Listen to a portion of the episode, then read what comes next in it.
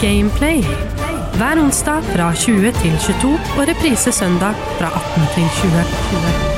Hjertelig velkommen skal du være til en helt ny episode av Gameplay på Radiometro. Det er radioprogrammet for deg som er glad i spill, eller har lyst til å lære mer om spill. Uansett hvilket forhold du har til spillverden, så er du alltid velkommen inn i gamingvarmen. Og i dag så har vi faktisk velkommen, velkommenhet to stykker inn i gamingverden, eh, og dette her er den aller siste episoden av sesong to, så de får liksom en litt sånn hedersrolle, da, vil jeg si. Det er to gutter jeg ble kjent med via Spillekspo, fra et lite indiestudio, man kan vel kalle det det, et indiestudio som heter Skelly Boys Studios her i Norge. De lager da spill, sånn som alle andre spillstudioer gjør, og har et prosjekt de er ganske aktuelle med nå. Vi skal få høre mer om det, men aller først så er det jo lurt å si hei.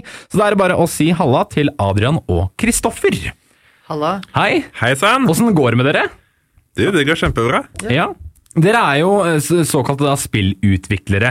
Vil dere bare ta meg litt sånn gjennom eh, deres forskjellige roller? Vi kan starte med deg først, Adrian. Ok, eh, Jeg er generelt potet. Kaller jeg barnehagelærer. Eh, Jeg sørger for at folk i faktiske studier jobber på det samme spillet. Sørger for at ting går framover. Sørger for at liksom Kaller jeg generelt design blir møtt, da.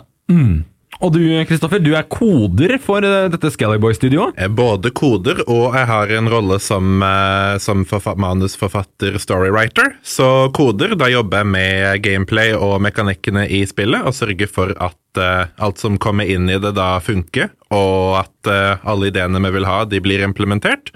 Og manus, da jobber jeg sammen med Adrian og resten av gruppa og prøver å komme fram til hva som er storyen vi har lyst til å formidle og fortelle gjennom spillet. da. Så skriver jeg dialog og slikt, da. Kult! Viktige roller begge to. Eh, Og hvor mange er dere sånn totalt i studio? For det er ikke bare dere to. Nei da, det Nei. er det ikke. Eh, Akkurat nå så er vi åtte, eh, og så prøver vi å få inn et par ekstra F.eks. 3D-animatør... Eller animatører og 3D-modellere. Ok, Hvordan startet Skellerboy Studio? Ta meg litt med gjennom reisen. Hvordan møttes dere? Hvordan kom det her til å bli? Hva skjedde for noe? Ja. Jeg skal, ja, nei, jeg kan begynne. Vi gikk jo sammen på eh, eh, fagskolen Kristiania, og eh, det var jo et toårig studium. Og i løpet av første året så ble jeg jo kjent med Adrian, og han fortalte jo meg og nevnte veldig tidlig at eh, hans håp og drøm var på et punkt å starte et spillstudio, som jeg syntes hørtes veldig spennende ut. Og så i løpet av første året så gikk jo ting, og vi ble bedre kjent og lærte hverandre bedre å kjenne både som eh, kompiser og som, eh, ja, som eh, fagfolk, da, for å kalle det det. Og i løpet av andre året så eh, Du får stoppe meg hvis jeg sier noe feil her, men eh, vi begynte vi inviterte til et spill med Call of Cthulhu, rollespillet, da. Ja, Ja, og det, det gikk jo veldig bra. Vi ble aldri ferdig med det. Det ble én session av det som kunne vært to, men Adrian kom på et punkt etterpå så sa han at du, det hadde vært veldig kult å ha det som et videospill. Så begynte Adrian å få hjula til å spinne, og begynte å komme med ideer og begynte å samle sammen folk. da, Og så var jeg så heldig at jeg fikk lov å være med på det her. Så det er slik det er fra min side, i alle fall.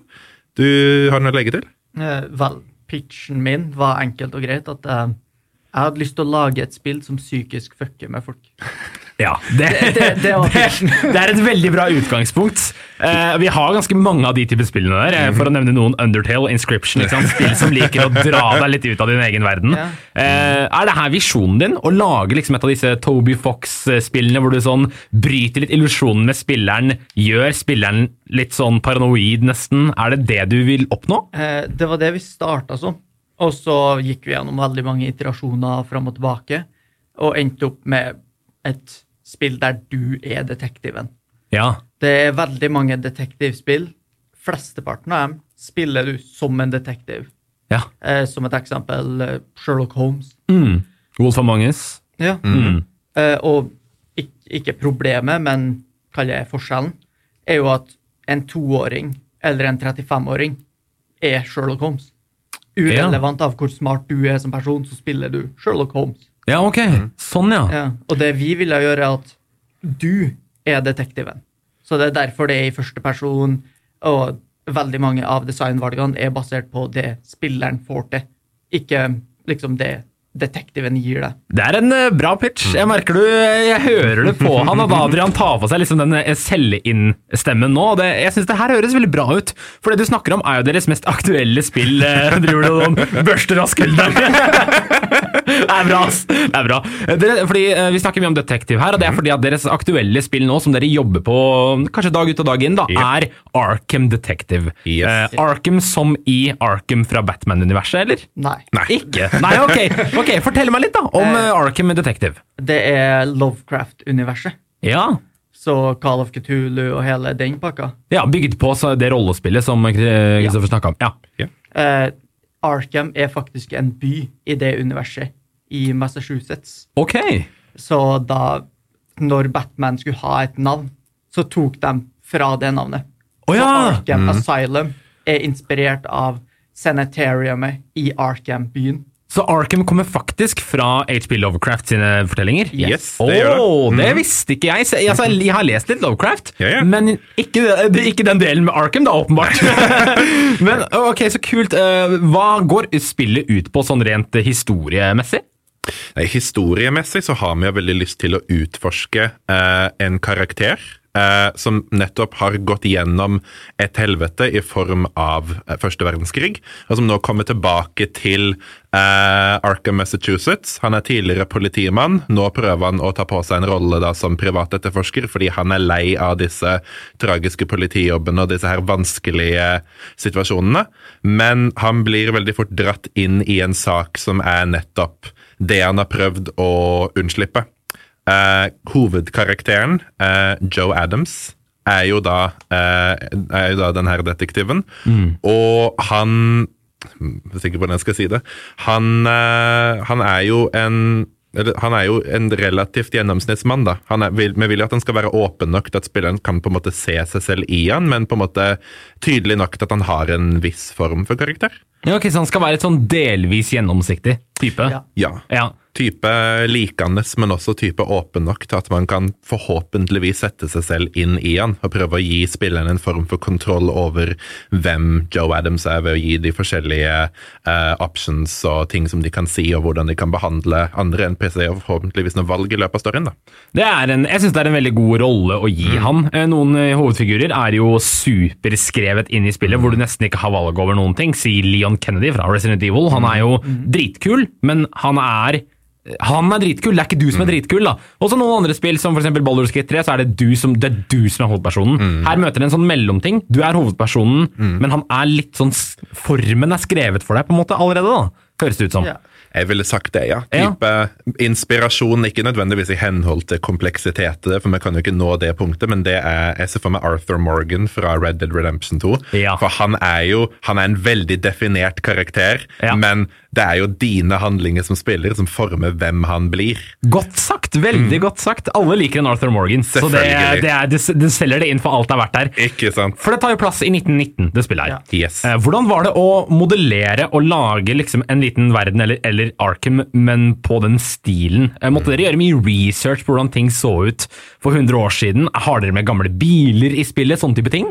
Eh, vi måtte ikke gjøre mye research, fordi vi jobber ikke på 3D. Ikke Nei, okay, ok, to nei. Så dere slår billig unna her! ja. Men, eh, men eh, det er veldig, gjort veldig mye 3D. Mm. Research, eh, bilder har obviously et Miro-brett med 1000 bilder av inspirasjon og Mm. moodboards og hele pakka. Ikke sant? Så ja, det er gjort mye research sånn sett. Det er jo det. Jeg tror, jeg tror vi ser på en, en stor hit her. Jeg, jeg syns det høres utrolig spennende ut, og jeg gleder meg selv til å prøve det ut den dagen det havner på Steam. Har dere noen sånn eh, visjon for eh, når dette spillet her kommer til å være ferdig pakka?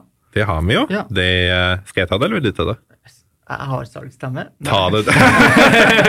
ta det, Men, Adrian. Det men det eh, akkurat nå så har vi en Steam-page.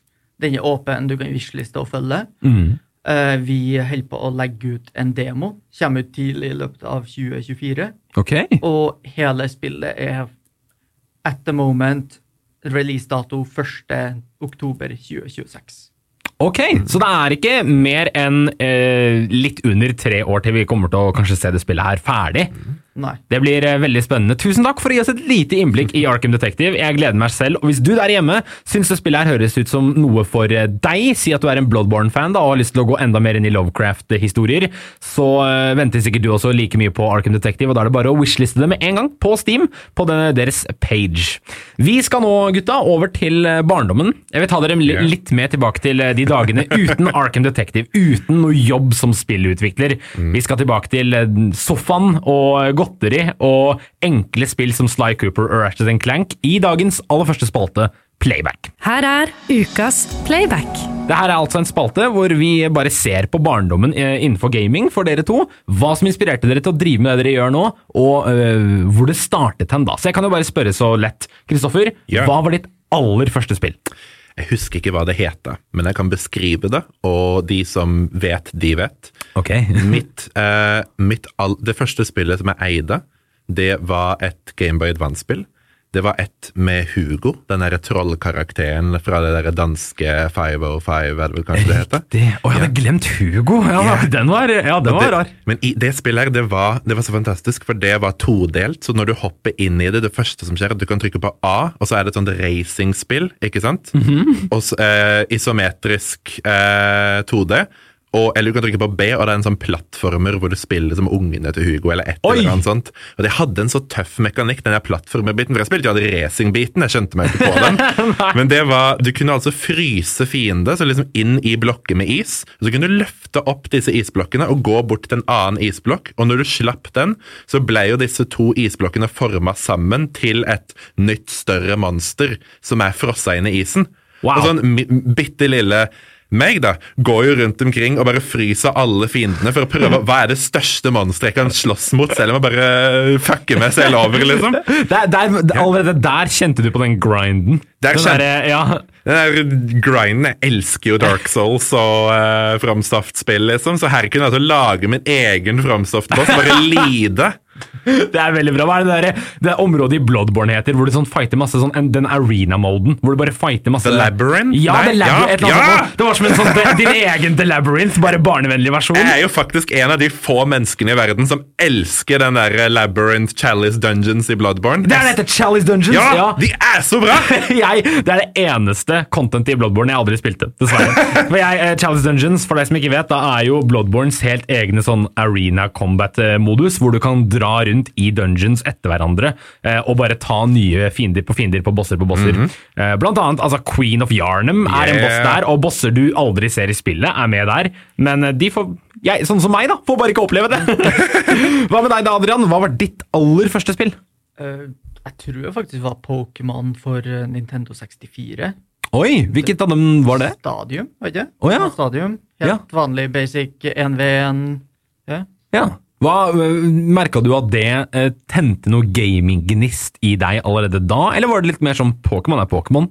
Sånn, jeg har jo vært gaming der hele livet, tenkte jeg å si. Mm. Jeg, jeg spilte før jeg fysisk fikk det å gå. Så ja, Putte på en T-skjorte. det er bra. Jeg har Ja. genuint spilt hele livet. Ja. Så ja. Er det eh, videre da, i sånn ungdomstiden og, og, og, og voksenliv og sånn, er det noen spill som har fått dere til å, til å tørke tårer, både på sinne eller glede eller tragedie? Altså spill som har satt ordentlig spor i dere, som dere vil løfte frem i lyset? Uh, jeg har et. Bare, oh. en Beklager for kuttet. Nei, nei, nei, nei, det går bra. det går bra. Sonic the Hedgehog, eller bedre kjent som Sonic 06. Å nei. nei. Jeg kan denne historien! Det er steinbra! Men jeg faktisk okay, jeg er så spent nå! Fortell meg hvorfor Sonic 06 fikk deg til å gråte. Uh, sånn, det fikk meg til å gråte PGA. Liksom, jeg flira fysisk til jeg skrek. Ok, ok, ja, ok. Uh, det har så mye gull i seg, og det er så broken på så mange artige måter. Eh, fysikken funker ikke, du kan teleportere deg overalt, du kan støkke kameraet i absolutt alt sammen, du kan dø i cutscenes, du kan spåne utafor mappen, du kan teleportere deg utafor blackboxen. Eh, Fun fact, hvis du står på en kasse som er uknuselig, og du sparker hjørnet av den kassa, Ja. så fer du oppover i lufta. Hva er dette for noe Ben Drowned opplegg? Hva hva er dette her for noe sånn, sånn garasjesalg-spillkjøp? Hvor fikk du det hen? Det, det er første Open World Sonic-spillet. Det, var Er det så- open world òg? ja, det var så buggy og broken. Det er veldig gøy. Eh, Hva med deg da, Kristoffer? Har du noen like bra gråtehistorier? Men gråtehistorie, da Det er så vanskelig. Men når det kommer til sinne, Ja. det, må, det må være XCOM 2. XCOM 2, ok. Jeg elsker XCOM, både eneren og toeren, liksom, av- de der nye fra Firaxis. Mm. Men, to, men toeren var så bra, fordi når jeg spilte det første, så visste jeg at jeg kom til å spille det andre. Typ, Ja. Jeg begynte å spille det, og det var så, jeg, jeg kommer til å spille det videre. Og jeg bestemte meg for at jeg skal lage masse karakterer basert på meg selv og vennene mine og mine bekjente. Mm. Og alle de som overlever det første, de lager jeg inn i den andre. Da tar jeg ikke noen av de som har dødd. Liksom, så overlever de fra den ene til den andre. Ja, okay, riktig. Og jeg, altså Kristoffer Hansen, karakteren, overlevde det første spillet. Og det var så gøy. Oh. Så kommer XCOM 2, og jeg lager meg selv, og jeg overlever sånn skikkelig lenge. Og jeg blir major, høyeste rank, eh, support, så er det en sånn liten drone som flyr med. Så er det et map. Som jeg tror kommer til å være lett. Så jeg hiver karakteren min og masse rookies, bare for å levele de opp.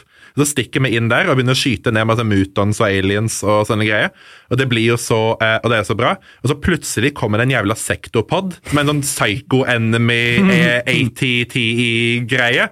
Opplegg. Og han, og han går og, bare helt ut av det blå.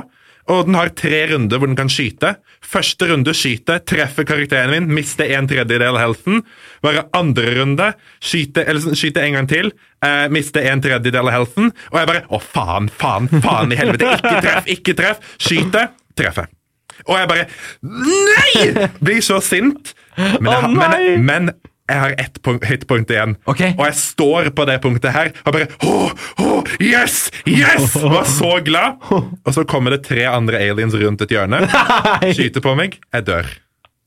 Nei! Jeg sparka i veggen i sinne. For en Det- rollercoaster. Og, rollercoaster, og selvfølgelig spiller jeg jo på Ironman-mode, så alt som skjer, er jo permanent. Det er Åh, ikke ja. noen saves så jeg kan hoppe tilbake på. Nei, nei! Du gjør det jo brutalt for deg sjæl òg. Selvfølgelig gjør Ja. jeg det. Alt behøver ikke å være brutalt for meg. Jeg må ikke gi, gi inntrykk, inntrykk av at det er en form for sudomasochist på noen måte. Men jeg liker, jeg liker konsekvens. Jeg liker, når ting er, jeg liker når ting er vanskelige, når det har en form for verdi. da. Hvis jeg kunne fått karakterene mine tilbake, hadde det liksom ikke vært XCOM. Nei, du, jeg kjenner meg faktisk veldig igjen i det der. For det der er litt sånn uh, Sims, uh, Mass Effect, uh, Crusader Kings-prinsippet. Lag deg selv og prøv å overleve så lenge som mulig. Så jeg, jeg kjenner det igjen veldig godt. sant? Og det er en veldig veldig morsom greie ved det der, og spesielt da enda hardere når du, eh, når du taper så massivt i, i en Ironman-mode i tillegg, hvor du Ikke kan love tilbake. Men det er noen, så gøy. Jeg har hatt noen Valheim-historier òg hvor jeg har eh, vært helt rød i trynet av å grine, men eh, de, de blir for en annen episode. Eh, et siste spørsmål før vi går over til litt sånn utfordringsspalte. Yeah. Jeg lurer på, eh, hva var det dere spilte som fikk dere til å innse spillutvikler? Det vil jeg bli. Eh, For min del så var jeg litt mer sånn Jeg hadde lyst til å lage spill, Mm. og så visste jeg bare ikke at det var en mulighet. Ever. Nei. Så det var ikke ett spesifikt spill, men det var liksom, som jeg sa, resten, hele livet, på en måte. Helheten. Så jeg hadde bare lyst til å bare Å, det her var kult, det her har jeg lyst til å være med på. Mm. Har ikke peiling hvordan jeg skal gjøre det. eller at det var faktisk en mulighet, eller noe. Så det var mer det at jeg lærte om muligheten, enn at jeg faktisk spilte et spesifikt spill. Så du er litt mer sånn en indre spillutvikler gjennom hele livet, du, som du på en måte vil få ut, på en måte. Ja. Mens du da, har du det samme, eller har du litt mer sånn at det var en dag du var sånn det her må jeg lage selv, ass. Jeg må gjøre noe sånn som det her. Var det sånn inspirerende glød som du fikk fra et spill? Jeg har en merkelig kombinasjon av begge to. Okay. Fordi jeg, har, jeg, jeg- ser på meg selv Jeg vet ikke om jeg kanskje er det i virkeligheten, men jeg ser på meg selv som überkreativ. Sånn type person som enten er flink til det eller ikke, så må jeg få ting, ideer, historier på en måte ut av meg selv og inn i verden. Mm. Og jeg har alltid hatt lyst til å liksom, Når jeg var liten, når jeg blir voksen, så skal jeg lage film om det og det her. Når jeg blir stor, så skal jeg skrive syv syv fantasybøker i det og det universet. Det er ganske like, Og- vi to. Nice. Det er bra. Men ja, og så var jeg sånn der, jeg skal lage et videospill på et punkt. Mhm. Eh, men det er jo en sånn der, du er seks år, skjer jo aldri, syv år, skjer jo aldri, åtte år, skjer aldri, ikke sant? Mm. Og så, eh, men så på ett punkt så fikk jeg en eh, liten, bitte liten bærbar PC som faren min ikke ville ha lenger. Eh, og så fant jeg ut om noe som heter emulering. Ja. Så begynte jeg å spille emulerte Pokémon Gameboy Advance-spill, fordi det hadde jeg lyst til å gjøre. Og det syns jeg virka kjempegøy. Sånn, å, jeg må lage et Pokémon-spill på et punkt, på et punkt, så skal jeg lage et Pokémon-spill. Av en eller annen grunn begynte jeg å google det, og så fant jeg ut at du kan jo eh, gå inn og du kan rom-hacke. Videos, eh, liksom Pokémon-spill. Hva vil det si? Det betyr at du tar da f.eks. Pokémon Emerald, som jeg gjorde det med. Mm -hmm. Du tar det inn i et program som bare er lagd for å liksom demontere hele spillet. Og så kan du gå inn og enten legge til nye ting, eller flippe og mikse og matche rundt på ting. Og plutselig så hadde jeg muligheten til at ok, jeg kan lage mitt eget Pokémon-spill på en eller annen måte, liksom. Wow, det er ganske interessant, egentlig. Ikke sant? Og da bare plutselig, når jeg er ti år gammel, så, begynner, så bare åpner verden seg, eller den spillutvikler verden seg for, for meg på en måte. Så jeg begynte å liksom prøve, og jeg fikk den der kjempeideen at jeg skal lage dette og dette spillet, og så skal det handle om Deoxys, og det skal handle om Day Team Rocket og masse sånn tull. Men jeg fikk jo aldri til å lage det. Jeg fikk jo gjort noen greier, så jeg endte opp med å modde eller ramhacke Fire Red, slik at alle Pokémonene fra Leaf Green som ikke er i Fire Red, var i Fire Red. Fordi jeg gadd ikke spille innom begge to for å få alle sammen. Eh, så jeg gikk gjennom hele spillet og gjorde det. Eh, og det leda jo til at et par år senere så fant jeg ut om Unity, som er en veldig lett å bruke spillemåter. Der var jeg rundt sånn 2015, og da følte jeg jo på at ok, men jeg klarte jo å romhacke videospill. Jeg må jo klare å programmere et eget spill også. Ja. Og eh, det klarte jeg. Sånn, ikke, ikke sånn kjempebra, men eh, du vet, det var en start, på en måte. Ja. Det var bare, det, det var på, med, og det var sånn på en måte ting eh, manifesterte seg for meg. da. For jeg har jo eh, for type, eh, jeg har jo alltid spilt videospill. Det var jo på en måte Pokémon som gjorde at jeg forsto at jeg kan eh, at, jeg, at jeg på en måte, ok, ok, Det går an å lage et spill. Det er ikke en sånn mystisk ting som bare eksisterer i en sfære, og som Guds hånd kommer og drar ned og putter på, eh, og putter på liksom i butikken. ikke sant? Men det føles litt sånn. Det føles sånn når du ikke vet noen ting om det. Det gjør sant? det, ja. Det? Men det, eh, og det, det, er en så fantastisk ting. Men det spillet som bare for å hoppe litt inn på det, Du må stoppe meg hvis det tar for lang tid. Nei, jeg kjøper. Men det spillet som bare fikk meg til å skjønne at ok, videospill er det jeg må lage, det er det jeg må jobbe med, Ja. det var Skyrim. Det var Skyrim? Det var Skyrim. Oi, ok. Hvorfor det? Fordi når jeg begynte å spille Skyrim, så forsto jeg omfanget og hvor stort et videospill kan være. Mitt liksom dream game up, up in the clouds på det punktet før, Skyrim, eller før jeg spilte Skyrim første gang, det var Sly Cooper. Det var på ja! Men det, det, var det var spill så bra som spill kan være for meg. Det er liksom den diger verden. Masse karakterer. Så kommer Skyrim og bare blåser det ut. Jeg, men jeg er en diger fantasy-fan. En diger sånn type pulp obscure fantasy-fan. ikke sant? Og jeg elsker å lære ting. Jeg elsker å på en måte forstå tingene som jeg setter meg inn i. Og Skyrim var jo bare en sånn endeløs brønn med alt det som jeg elska. Og, det var på en måte, og da har du den der liksom, Jeg skal skrive bok, jeg skal lage film. ikke sant? Alt det plutselig det, det er jo i Skyrim, det er jo i videospill, på en måte. Ja. På den måten så kan jeg, I videospill så kan jeg ta alt det jeg har lyst til å gjøre, og jeg kan gjøre det. Jeg syns det er en kjempefin historie. Det er veldig, veldig litt sånn derre Litt sånn eh, do dokumentarisk å høre på, for det blir liksom sånn fra, fra start til nå. Og, og et spill handler jo veldig mye om uh, dette med, som du sier, å skrive fantasybøker osv. Det handler jo litt om den egenskapen der, å kunne skrive et spill, samtidig som det handler om at du må kunne kode et spill. Samtidig som at du må ha uh, voicing, du må ha musikk, du må ha så mange deler. Og det er det som gjør det å lage et spill kanskje ekstra utfordrende for mange, og at de ikke gidder å gjøre det. Men det er altså det som gjør det så utrolig imponerende. Ikke bare ser du på en film, ikke bare leser du en bok.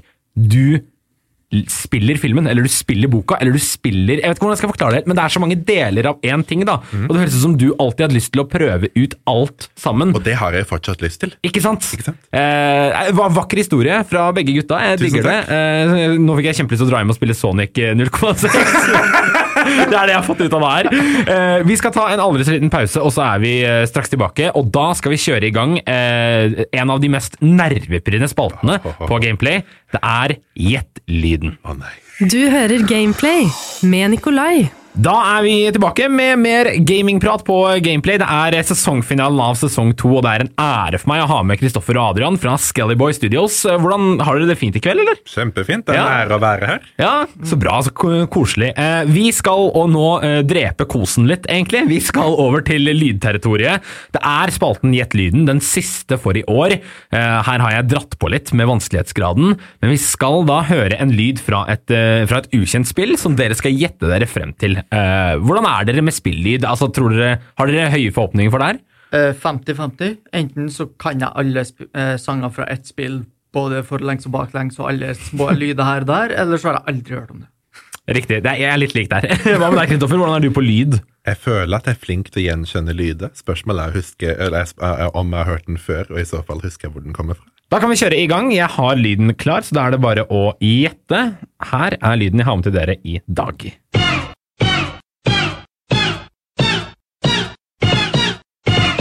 Jeg har aldri hørt lyden før, men jeg har lyst til å gjette at det er Parappa the Rapper. Ok. Ja, interessant, faktisk. Veldig interessant. Uh, vi kan høre Kristoffer. Hva tenker du, sånn right off the bat? Ok, Jeg har aldri hørt denne lyden før, men jeg har hørt denne lyden før. Det er litt sånn lyd, egentlig. Ja. Det høres ut som det kommer fra et sånt form for liksom partygame fra PlayStation 1 eller et eller annet sånt. Det er på en måte det det, det er de assosiasjonene jeg får til det. Tenker du sånn men- the Lightyear, eller?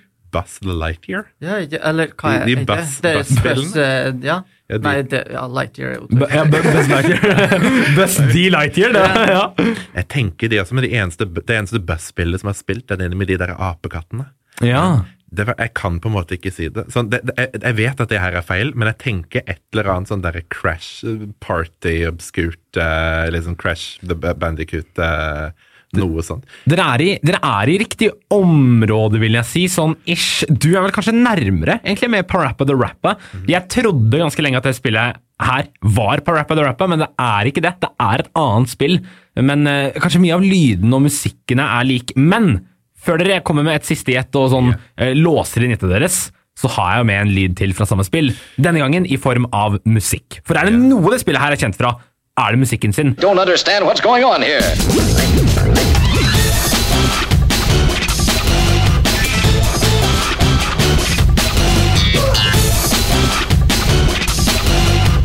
Jeg vet ikke om det blir liksom for nisje. Det er veldig funky. Det er veldig funky, men Jeg har så lyst til å si at det er aper i spillet. Aper. Ja, jeg vet ikke hvorfor. Ja, jeg, jeg skjønner hvor du vil hen, egentlig. Jeg gjør det. Ja. Eh, jeg kan si navnet på komponisten, da.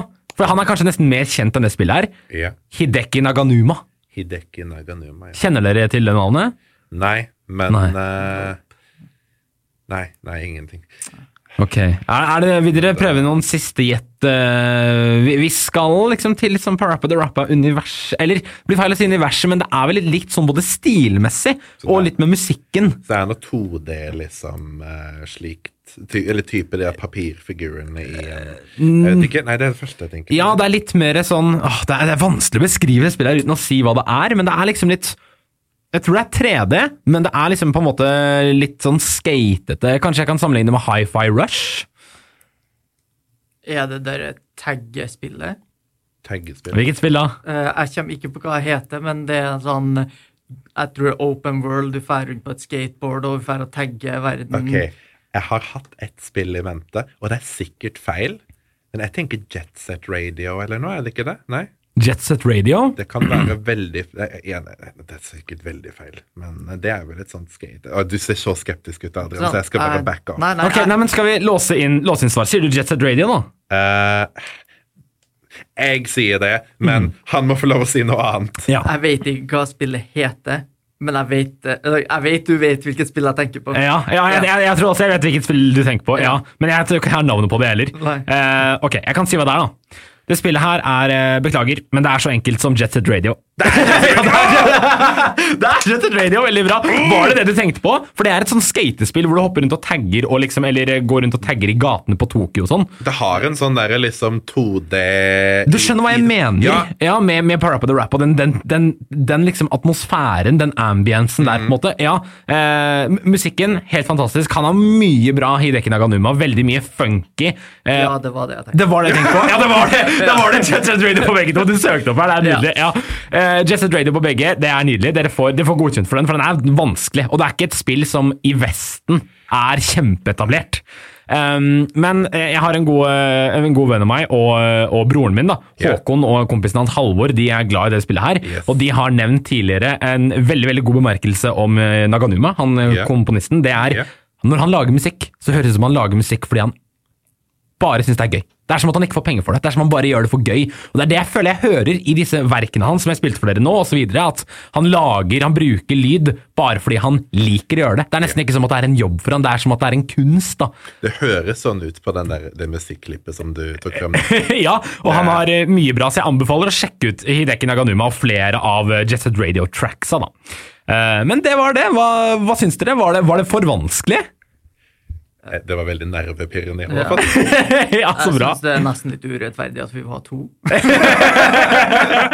Det, ja, fordi Om dere hadde vært alene, så er det ikke sikkert dere hadde klart det. Nei. Men dere hjalp hverandre opp, og det er bra. Det er det vi skal se fra spillutviklere. ikke sant? Det samarbeidet mellom dere. Jeg hadde ikke klart å gjette at det var Jet, gjette Jet Set Radio hvis du ikke hadde sagt på Rappa the Rapper. Det er det verste. Åh, ikke sant? Og du hadde ikke tenkt at det var det spillet hvis ikke han hadde sagt Jet Set Radio. Jeg visste jo ikke hva spillet het. Dette er Gameplay på Radio Metro. Vi skal over til dagens siste spalte. Vi skal eh, prøve å komme med den beste anbefalingen vi kan til gamere der ute som trenger noe å spille. Vi har alle vært der hvor det er juleferie, og du sitter der og du har faktisk ikke noe å spille akkurat nå. Nå kan vi være redningen til den gameren og gi dem et spill som de kan bryne seg på hele ferien. Eller en julegaveanbefaling. Altså Dette her er rett og slett en spalte hvor vi kan bare øse av vår spillkunnskap, nerde, nerde så mye vi vil, og så komme med noen gode spillanbefalinger. Har dere noen dere har lyst til å dele sånn eh, til å begynne med? Bare Oh, ok, ok, ok. Uh, jeg måtte tenke litt på den her, for jeg hadde ikke lyst til å bare ta noe som var uh, Jeg har ikke lyst til å ta noe Portal eller Half-Life eller noe sånt som på en måte alle har hørt om. Så jeg, jeg skal komme med et obskurt spill som jeg elsker. Okay. Å kalle det et spill er kanskje litt vanskelig, for det er egentlig en mod. Det er et som heter Total Chaos. Oi! Og det, eh, det Adrian sa med psykologisk fucke med spilleren, ikke sant? Total Chaos gjør det. Total Chaos eh, fucker med deg psykologisk på en sånn måte som gjør vondt på slutten. Men det som jeg liker med spillet, det er det at det har en fantastisk tøff atmosfære. Du drar til eh, en øy hvor en eller annen ulykke skjedde som gjorde at eh, befolkningen der forsvant. Den er full av monstre. Den har en sånn derre Ikke open world, men en sånn derre type Du beveger deg gjennom forskjellige og forskjellige områder til du kommer deg til slutten. Og det er en mod til Doom 2, som ikke ser ut som en mod til Doom 2 i det hele tatt. Hvis du søker opp Total Chaos eh, mod og bare ser på screenshots, så ser, så, og, og så ser du Doom 2 etterpå, du ser ikke at det er samme spillet. Det ene ser ut som et spill fra, sånn, fra liksom 2013-2014, og det andre er Doom 2. Så det er nesten som eh, å sammenligne Counter-Strike 2 og Half-Life 2 nå, liksom? For er ikke de en mod også fra hverandre, eller på hverandre? Eller Counter-Strike Counter-Strike 2 er jo ikke nødvendigvis en mod, det er lagd i samme spillmotor. Eller nei, unnskyld, det er lag- i- i- ja, noe slikt. Ja, men det, det startet som en mod, og så har det senere blitt utvikla til et eget spill, på en måte, men det er litt sånn, det er litt den der eh, distansen da, mellom mod og spill som du det er, snakker om. Det, det er, ok, så det, det, er, det er mer enn det. For liksom det, det, det, er sy, det er så sykt å kalle det en mod, for det, han som lagde det, har bare tatt liksom Doom 2-koden liksom, 2 og liksom hvordan modder har utvikla det spillet videre. Han har bare tatt det til det neste nivået. Okay. Det er, men, og, og det som gjør det så kult, da, det er jo atmosfæren og bare gameplayet. Jeg har ikke lyst til å si for mye om spillet. For, og, det, eh, og type, hvis noen er in, det minste interessert i å prøve det, så må de bare ignorere det som jeg skal si nå. Okay, men det okay. som solgte meg på Total Chaos, det er det at det er skytevåpen i spillet, men du finner sånn tre-fire kuler av gangen. Mm. Og det er en sånn, Du har ikke lyst til å skyte disse monstrene når de kommer. Og på ett punkt så møter jeg et nytt monster i spillet, og det monsteret, hvis det ser på deg, så dør du. Oi. Fordi det har psykiske krefter. Og det monsteret det var en pain to deal with, og det er så skummelt når det dukker opp. ikke sant? Sånn, jeg, jeg, jeg svetta hver gang det var der, for det, det var så intenst. Og det høres ganske creepy ut, egentlig. Og, ja, og på ett punkt ikke sant, så fikk jeg nok, fordi jeg klarte ikke å deale med den lenger. Så jeg, uh, så jeg sa you know what, fuck this! Tok fram revolveren fra sekken min, løp mot den for å skyte. Parry this, you filthy casual! Og, bare, og så tror jeg jeg har truffet den, og så står monsteret der, hånda dens fram, dirrer, kulene har fryst fast midt i lufta, Nei! og den skyter kulene tilbake på meg. Nei, Og jeg dør! What? Og jeg visste ikke at det kom til å skje. Og jeg bare sto der bare helt målbundet. Og eh, kjæresten min satt ved siden av og bare He parried it. det var da jeg skjønte at jeg elsker Total Chaos. Åh, det er en nydelig historie! Så utrolig kult. Ok, Total Chaos, det skal jeg sjekke ut. Sjekk det ut, altså. Det her høres ut som det er et Og det, eh, det er gratis. Det er ingen grunn til ikke å spille det. Er det det? Ja, det er en mod. Dette er jo, dette er jo et, et prakteksemplar på en hidden gem. ja, Nydelig. Hva med deg, Adrian? Har du en, en, en eh, anbefaling å komme med? Eh, Jeg skal komme med en litt Kall det mer mainstream. Ja? Total Eh. Chaos 2? ja. Eh, Cyberpunk 2.0. ja, ok. Eh, For ve veldig mange var jo interessert i Cyberpunk når det kom ut. Kanskje du returna eller ikke spilte igjen. Men 2.0, liksom kaller jeg oppdateringer, eller whatever du vil kalle det. Spesielt med Phantom Liberty Expansion. Hele den pakka. Sykt bra. Ok, ja. De har fiksa spillet. Det for min del så har jeg ikke merka noen bugs. Eh, De har gjort om alt av liksom cyberware, våpensystemet, perks, liksom helt, hele rework av hele systemet, på en måte. Mm. Så du syns de har eh, gitt, gått gjennom en liten sånn redemption ark, da, nesten? Sånn type No Man's Sky Redemption, ja. Ja. Ja, Og, og det har funka? Det har landa som et ordentlig produkt nå? ja. ja. Ja.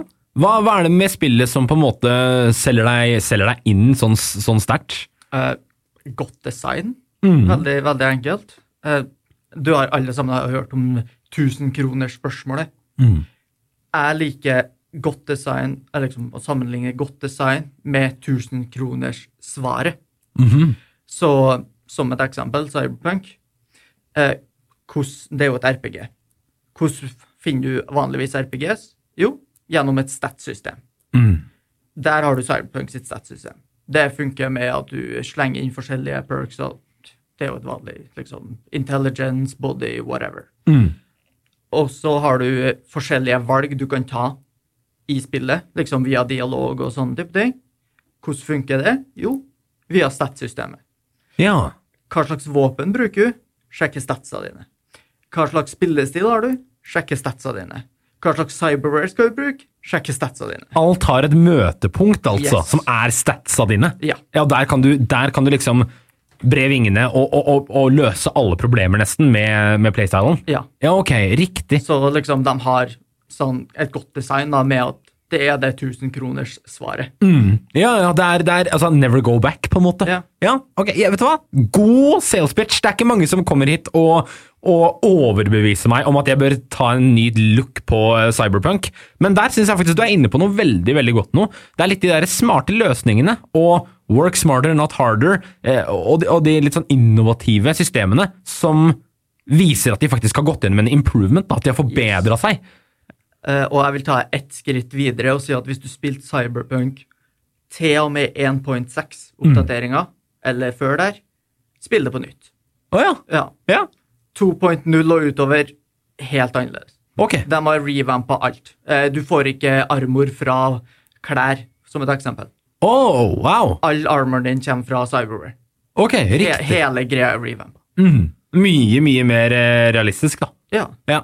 Eh, Det, det er en ordentlig sånn Jeg vet ikke om dere tar den referansen her, men det er en ordentlig Final Fantasy 14-reise de har vært på, med å starte helt for jævlig i starten, og så klare å bygge opp spillet sitt i nytt. Det er jo flere spill som har måttet gå gjennom en sånn fase, eh, og det er, det er ganske vakkert når det skjer. Det blir sånn Cinderella-story, på en måte. Spillet alle hata er nå blitt spillet som få elsker, ikke sant?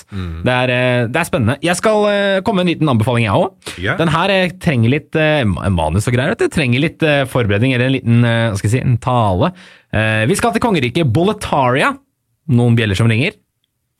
Eh, Demon's Souls. Ja, riktig. Bra. bra. Eh, Boletaria. Boletaria har blitt oversvømt av en dyp tåke etter at eh, noe som heter The Old One angrep eh, Boletaria, eh, som en følge av misbrukt magi med navn eh, The Soul Arts. Etter hvert ble The Old One felt og sovnet inn, noe som ga Boletaria en midlertidig fredstid. Men denne fredstiden skulle fort ta slutt da Boletarias konge King Alant klarte å gjenopplive denne destruktive magien kalt The Soul Arts og med det vekket The Old One og dens demoniske hær til live. Og da er det en eventyrer som du spiller, tar, tar rollen som, som drar til denne tåken for å prøve å eh, se om de kan løse problemet, og endelig eh, slokne eh, den destruktive Old One sin eh, eh, sult for eh, ondskap. Eh, og der har du Demon's Souls. Jeg prøvde å selge det inn som at det ikke høres veldig From Software-ete ut, men litt mer eventyrisk ut, fordi det her er jo uh, Dark Souls sin eneste forgjenger, og det spillet som på en måte prøvde på de eh, Dark Souls-skoene for aller første gang. Da. Det er her vi ser sporene av det som ble Elden Ring osv. Uh, og jeg vil si at uh, hvis du har spilt PS5-remaken, som de fleste nå har gjort, uh, gå tilbake til PS3-versjonen til Demon's Souls, den aller første releasen, for det er en veldig sjarmerende reise. Og Dark Souls 1 er jo mitt favorittspill sånn gjennom all time. Uh, mitt nummer én. Så jeg vil, uh, til, til, de som også deler den tanken her, så vil jeg si at Demon's Souls 1, det originale OG-spillet, er også verdt en gjennomgang, selv om du har denne remaken. Uh, kan, overskriften er 'Selv om det har kommet noe nytt, kan det gamle fortsatt være like kult, hvis ikke bedre'. Det er en fin måte å si det på. Takk. Eh, har dere noe forhold du, du, merker jeg har forhold til Demon's Souls og hele From Software-serien? Jeg elsker liksom, Jeg har ikke spilt alle From Software-spillene, det er verdt å nevne. Jeg har mm. spilt Dark Souls, jeg har spilt Bloodborne, jeg, har, jeg begynte på Elden Ring. Mm. Men det som jeg liker med FromSoft og liksom spillene deres, det er at hvis du ser bort ifra, hvis du ser bort ifra gameplay, da, det som på en måte hooker meg, det er the world, world-buildinga. Og på en måte universet og deres forhold til, til verden, da. Uh, jeg liker hvordan Dark Souls på en måte er det er arkeologi å på en måte forstå det. Du må på en måte sette deg inn i det, og du er nødt til å på en måte ta det inn. Og det, jeg syns det er eh, om ikke, det, det, er ikke en direkte form for storytelling, men det er en, det er en måte, måte, å fortelle en historie på som bare et videospill kan gjøre. En, ja. en film du kan ikke på en måte uh, Du kan ikke fortelle en historie på den måten i en film, og du kan ikke fortelle en historie på den måten i alle fall ikke med like mange lag uh, som, det, som, det, Dark Souls Demon Souls har i en bok, f.eks. Um, og det er jo fordi videospill er det eneste mediet, uh, utenom type brettspill, rollespill og slikt, mm. hvor verden hører på deg, ikke sant? Du kan gå inn, du kan snu på en stein, du kan se hva som er under den. ikke sant? Og mm. det føler jeg at Dark Souls og Demon Souls og det representerer. Eh, og det representerer at storytelling i videospill har på en måte kommet til det punktet hvor den er fullstendig unik. Mm. Ta for eksempel storytelling i um, la oss si God of War og Red Dead Redemption. Den er veldig bra, Uh, og jeg foretrekker at den er et spill, men det kunne vært en bok, det kunne vært en film. Dark Souls kan ikke være noe annet. Veldig godt sagt, faktisk. Mm. Uh, og det er en ting jeg har også slitt med å forstå lenge når jeg ser God of War også, er at jeg ser et spill som ser dritbra ut på alle måter, mm. og så tenker jeg Fett, er det hele greia? Mm. Er det bare dritbra på alle mulige måter? -hmm. Last of Us 1, er det dritbra på alle mulige måter? Mm. Ok, hva er det det gjør nytt? Ingenting, sa du. Hvorfor skal jeg spille? Og det er, en, det er en veldig veldig krass versjon av meg som gjør det, men det er noe med hvis det spillet her ikke pusher en grense på et eller annet nivå, om det er writing, om det er eh, psykisk impact på spilleren, om det er designmessig, sånn som Cyberpunk, som du nevnte, da. Hvis det ikke gjør noe nytt, så hvorfor skal jeg spille det når de ikke finner opp hjulet på nytt, da? Det er litt det. Um, og, og, ja, det er en veldig usympatiske gamer av meg, men, men derfor syns jeg det du sier er veldig fint. Ja. ja. Uh, og noe også Dark Souls gjør, da, som jeg syns er imponerende, er jo mm. ved å gjøre det til en så skattekart av law, og måtte liksom uh, bruke arkeologi for å finne ting, så blir det nesten litt mer uh, likt virkeligheten, kan man vel si. Ja. med tanke på sånn I virkeligheten så er det jo ingen narrator som forteller deg noe. Det er ikke en tekstboks her som gir deg et hint over hvor en ting ligger. Du må finne ting ved å lese deg opp på det, eller snakke med folk. Og da er det ikke alltid du får det svaret du vil ha, men, de, men du kan fortsatt lede deg til et visst sted. Eller, vis, eller uh, lede deg til et feil sted. Og litt sånn også er det i Dark Souls. Du må finne uh, Hvem er den kongen her? Jeg aner ikke hva han er. Ok, Da leser jeg på den ringen som heter Kings Ring. Der står det sikkert noe om han. Ja, da står det en liten description om han. Og så går det videre. Prater med en figur. Hvordan kommer jeg meg til kongens palass? Eh, nei, du kan jo gå opp der, men det koster deg liksom 50 kjeler, som du må betale meg. Og så koster det 100 kjeler hvis du skal tilbake. ikke sant? Altså, det, er, det er litt sånn samsvar med virkeligheten. at du må, alt du må, Det eneste du kan stole på, er deg selv. Mm. Ja. Eh. Kan jeg legge til én ting her også? Ja, gjør det. Noe som jeg liker med eh, historiene og det i Darks, i type framsaftspillene også det er at det er jo et argument med men hvorfor vil jeg spille et sånt spill? Hvorfor kan jeg ikke bare gå og høre på en Vati-video, liksom, ikke sant? ja. Og bare ta den inn på den måten. Og det funker hvis du vil ha grunnlaget. Men det jeg har opplevd med Framsoft-spill, er at hvis du går inn og begynner å lete selv, ikke sant, så finner du på en måte Du får fortsatt din egen din egen idé eller en egen iterasjon om på en måte hva er det som har skjedd her, ikke sant? Fordi du leser kanskje dette på et annet vis, og du leser det på en annen måte. Det var, jeg hadde en veldig sterk idé om hva Bloodborne handla om for noe. Men så var det en og, ikke sant? Men så var det en YouTuber som jeg kan ikke huske navnet på henne, men jeg husker navnet på videoen, og det var en som het Bloodborne Viscerally Feminine. Og hun går inn, og hun eh, sammenligner da ehm, blood, liksom deler av Bloodborne med aspektet av kvinnelighet da, opp igjennom historien. Som for eksempel type Sånn en, uh, en idé i Bloodborne som aldri slo meg før jeg hørte den her, og det kommer jo fordi hun har iter, eller type, interpretert da. plottet på sin egen måte. Det er konseptet med eyes on the inside, som i spillet refererer til at the eyes on the inside er en form for De oppgir en form for forståelse av universet. ikke sant? Bare for å gå inn på det Lovecraft, skal det, siden du vet, skal Ja. gå i studiet Sarkum Detective på det. Ikke sant, det går Eh, i sirkler. Ja, Ja. ja, det må jo det. Og, uh, og tingen er den at alle karakterene som på en måte prøver å oppnå en form for liksom innsikt Du har Mikolas, du har jo eh, German, Mm. du har eh, Lawrence, ikke sant? Tingen med de, det er jo De er menn. Mm. Men det som Viscerally Feminine da på en måte påpeker, er at eyes on the inside kan referere til liksom graviditet. For når du er gravid og har en baby i magen, you have eyes on the inside. ja, sånn, ja. ja. Og det er jo en viktig del for å oppnå den siste eh, og liksom siste endingen i spillet. Du, det, har, det har å gjøre med graviditet. Mm. Og spørsmålet er da på en måte, er det så enkelt? Driver liksom de her mennene og overkompliserer det, mens det på en måte er kvinnene som har svaret? Og det er mye mer enn bare dette, men Ja. det er det første som kommer til mente. Men det kommer, det kommer litt tilbake til det der med at det å videreføre, det å, det å liksom eh, på en måte få barn og bli en forelder, er en del av eh, meningen med livet, da, som mange sier. Kanskje det, har liksom, at det er en slags det som er konklusjonen der, men at de har klart å ikke se det så mye at de har blitt sånn Nei, nei, det er ikke det som er det, er, det som er meningen med livet, er å få øynene på innsiden av hodet, liksom. Ja, ja, så blir de helt syke. Men uh, har du noe forhold til From Software-spillene? Nå ble det mye om det her, beklager, Adrian. Ja. Uh, jeg har runda Dark Souls 3, Sekiro og uh, Hva heter det? Bloodborne. ja. Ja. Eh, jeg er ganske motsatt fra Kristoffer på akkurat det her. ja. Jeg syns at uh, det at storyen ikke er ganske sjølforklarende, er litt sånn eh, mm. Det mm, Jeg er veldig stor fan av Sekiro. Og Ja. det er sagt bare sånn rett ut. Det er kanskje et av favorittspillene mine. Er det det? Ja? Det er det eneste spillet jeg aldri spilt ferdig. Og det, det anbefaler. Ja, det gjør det? Ja. Jeg har ikke rørt det. Nei, det har ikke det? Da Men jeg har, jeg har lyst til å spille det, men jeg har bare ikke kommet dit. Ja. Ok, men du anbefaler det? Ja. Bare Nydelig. sånn, Før du spiller Cyberbuck, spill Sekiro. ja, ok, bra.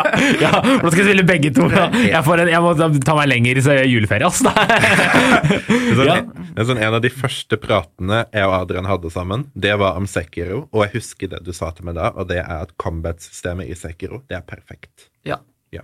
Og da visste du at han, han skal jeg lage et spill med. Jeg visste ikke det da, men du Nei, ja. Ja. ja, men det er bra. Greia med Sekiro er at det er så lett. Eh, ikke i form av at 'å, du dør aldri', Nei. men i form av at hvis du får til å trykke på counter, så kan du klare deg gjennom hele spillet. Ja, det er sant. Liksom, eh, det er en av tingene jeg ikke liker med f.eks. Bloodborne og eh, Ja, ta Bloodborne, da, siden vi snakka om det i stad. Mm. Eh, Du har typing på våpen. Eh, Hvis du angriper med bladed våpen imot vanlig våpen, så dealer det mer damage mot beasts. Mm. Eh, Enkelte folk har arcane resistance og liksom litt fram og tilbake med sånne ting. Mm, de forskjellige verdiene av damage Ja. og sånn. Ja. Mens i uh, så er det bare Du har et normalt sverd. Ja. Bare skills tar deg gjennom hele spillet. ja. Du slipper å bry deg om hvor mye damage du gjør, eller hvor mye liv du har, eller stats, eller whatever. Alt sammen bare smeltes, ellers dør du på to hits.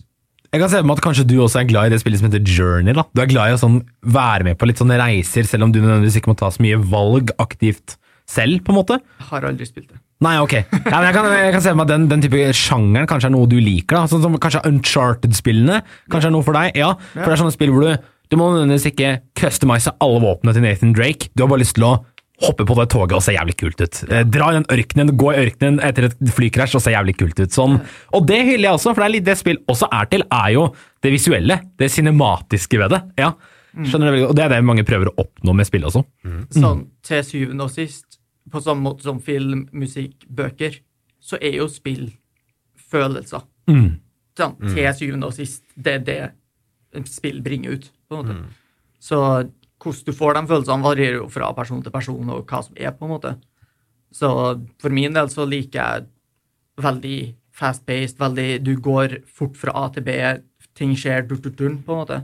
Eh, Spiderman, Cyberpunk, i motsetning til Dark Souls eller uh, ta Red Dead, da.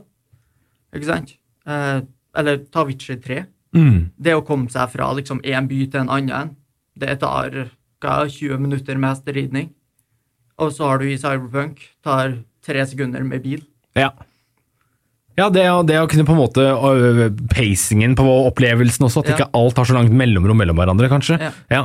Eh, jeg syns det er en veldig fin note å avslutte hele denne sesongen av Gameplay på, egentlig. Det du sa med at gaming er jo først og fremst for å skape følelser, og det er uavhengig hvordan du får de følelsene du får, bare du får de. Liksom om det er via storytellingen, gameplay-loopen eller hva det nå enn er, så er gaming der for at du skal nyte det på din måte.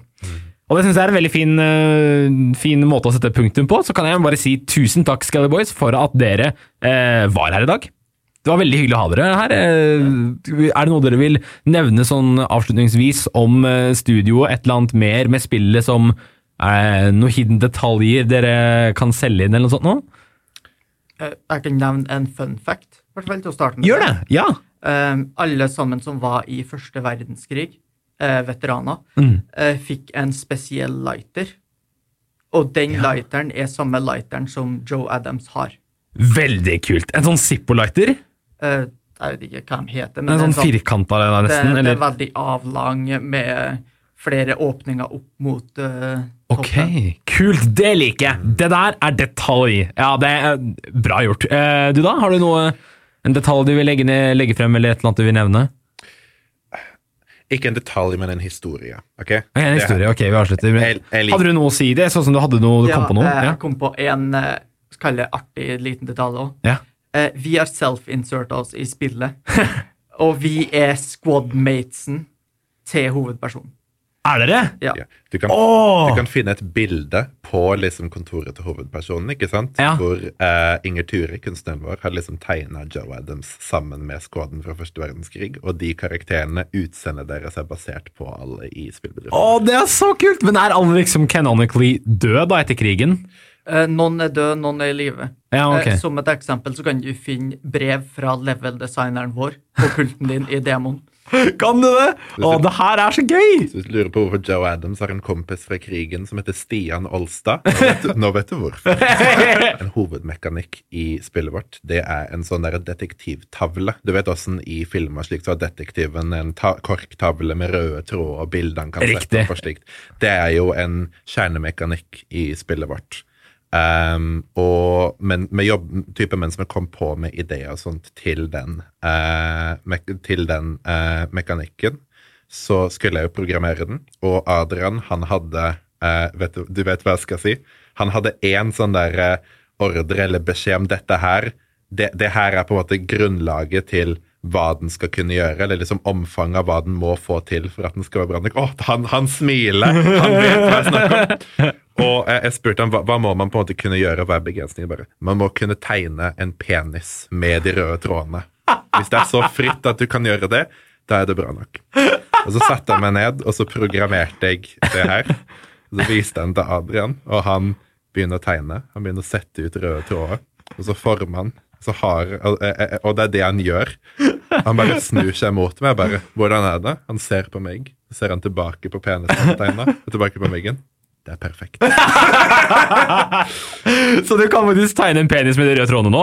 Nå, det, det har blitt litt grann annerledes, men du skal fortsatt på en måte kunne ha veldig mye frihet i hvordan du setter de ut. Veldig kult. Det også litt nytenkende. Jeg tror ikke noen spill har gjort det der før. eh, Så du er den første. Faktisk, oh? ingen spill har gjort uh, korrektaler som vi gjør det. det har ikke det? Så vidt jeg vet. Og jeg har googla og søkt i eh, de siste to ukene nå. Ok, ok. Vet du hva? Eh, utrolig spennende. Jeg, jeg gleder meg bare mer og mer. Husk det. Sjekk ut Arkham Detective på Steam. Eh, wishliste, du wishliste, putter på ønskelista, og så forhåpentligvis får vi sett det spillet her i 2026 med en demo eh, som allerede er ute nå. Nei, eh, den kommer ut eh, tidlig i 2024. Tidlig 2024. Type januar eller februar. Eh, håpet er i hvert fall januar-februar. Ja. Kan hende mars. Det er jo bare en, en, to, kanskje tre måneder til, så kan du faktisk allerede begynne å spille demoen til Arken Detective. Eh, bli med! Jeg skal i hvert fall gjøre det, så jeg håper jeg har med deg på laget også.